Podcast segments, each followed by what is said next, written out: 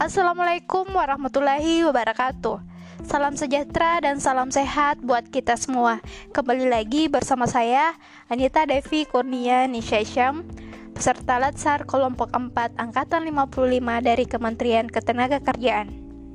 Baik, pada kesempatan kali ini saya akan memaparkan mengenai agenda 3 yaitu kedudukan dan peran PNS dalam NKRI dalam hal ini pelayanan publik.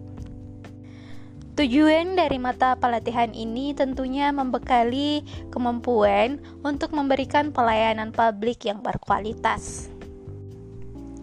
Selanjutnya, pengertian pelayanan publik.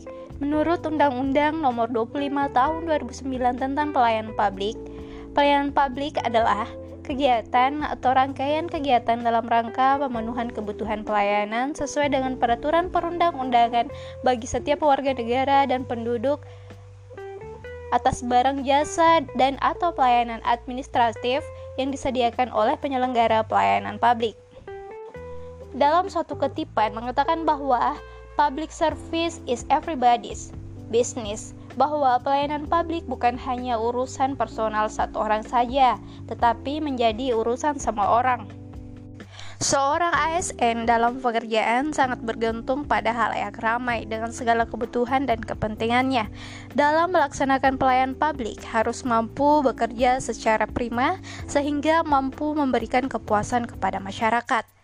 Materi ini saling berkaitan dengan work atau wall of government karena dibutuhkan kolaborasi antara instansi agar dalam pembelian layanan lebih optimal. Dengan demikian, terdapat tiga unsur penting dalam pelayanan publik, yaitu yang pertama adalah organisasi penyelenggara pelayanan publik, yang kedua adalah penerima layanan atau pelanggan itu sendiri, dan yang ketiga adalah kepuasan yang diberikan dan atau diterima oleh penerima layanan. Selanjutnya, terdapat sembilan prinsip dalam pelayanan publik. Yang pertama yaitu berkeadilan di mana tidak membeda-bedakan suku, agama, ras, dan golongan. Selanjutnya, partisipasif, transparan, aksesibel, akuntabel, efektif dan efisien, mudah, murah, dan tidak diskriminatif. Jika dilihat dari sembilan prinsip pelayanan publik ini, maka semua dapat terwujud apabila ASN yang bekerja dapat menginternalisasikan nilai-nilai dasar dari aneka.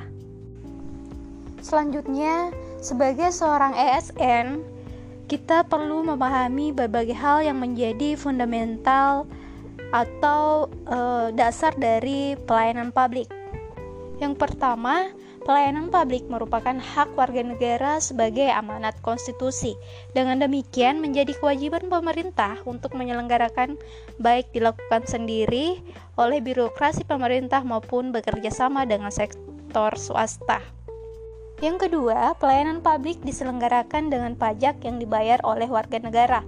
Artinya, para birokrat penyelenggara pelayanan publik harus paham bahwa semua fasilitas yang mereka nikmati, contohnya gedung, peralatan, gaji, protokoler dan sebagainya dibayar dengan pajak yang dibayarkan oleh warga negara.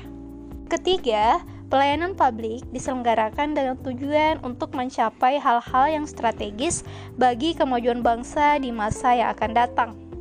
Dan yang keempat, pelayanan publik memiliki fungsi tidak hanya memenuhi kebutuhan dasar warga negara sebagai manusia, akan tetapi juga berfungsi untuk memberikan perlindungan bagi warga negara atau disebut dengan proteksi. Selanjutnya ada tujuh sikap dalam pelayanan. Yang pertama passionate atau bersemangat. Yang kedua progresif atau memakai cara yang terbaik. Yang ketiga proaktif atau antisipasif dan tidak menunggu. Yang keempat prompt atau positif tanpa curiga dan kekhawatiran. Yang kelima patience atau penuh rasa kesabaran dan yang keenam adalah proporsional atau tidak mengada-ngada.